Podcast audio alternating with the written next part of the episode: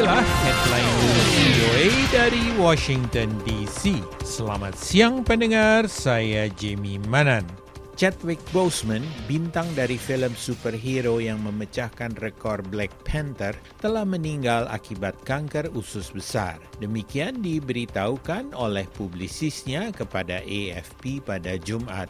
Boseman yang berusia 40-an tidak menceritakan kondisinya kepada publik dan pertama kali didiagnosa pada 2016 dan terus bekerja untuk film-film Hollywood. Suatu kehormatan di dalam karirnya untuk menghidupkan King T'Challa dalam Black Panther. Demikian bunyi pernyataan yang diposting di dalam akun media sosial Boseman.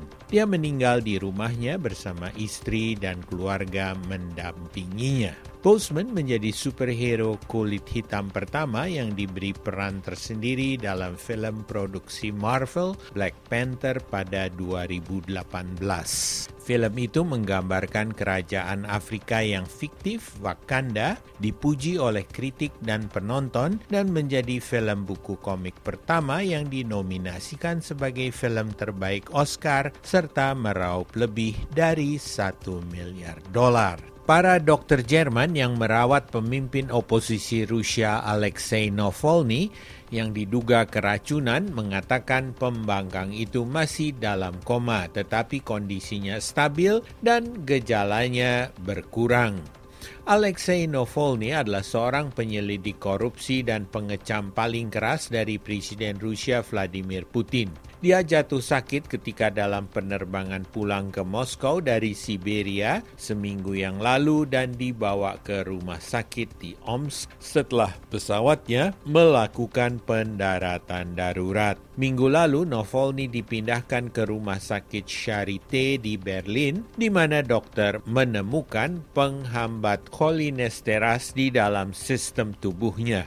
Pihak rumah sakit Jumat mengatakan ada penyembuhan dari gejala-gejalanya. Jerman minta agar Rusia menyelidiki kasus ini. Aktivis hak-hak sipil pendeta Al Sharpton mengatakan kepada ribuan orang Jumat yang berkumpul di Washington, AS perlu menyelenggarakan sebuah dialog baru tentang rasisme yang sistemik yang masih terus menghantui Amerika. Sebuah protes berlangsung di Washington menuntut pengakhiran kebrutalan polisi dan reformasi keadilan kejahatan di AS. Unjuk rasa ini bersamaan dengan peringatan ke-57 dari March on Washington yang dipimpin oleh pendeta Martin Luther King dan pidato bersejarahnya I Have a Dream. Asosiasi Bola Basket Nasional atau NBA dijadwalkan akan menyelenggarakan pertandingan kembali Sabtu setelah para pemain mencapai persetujuan dengan liga itu termasuk peningkatan akses ke pemilihan presiden di AS. Kesepakatan itu menyusul setelah para pemain memprotes penembakan Jacob Blake, seorang warga kulit hitam di Kenosha, Wisconsin.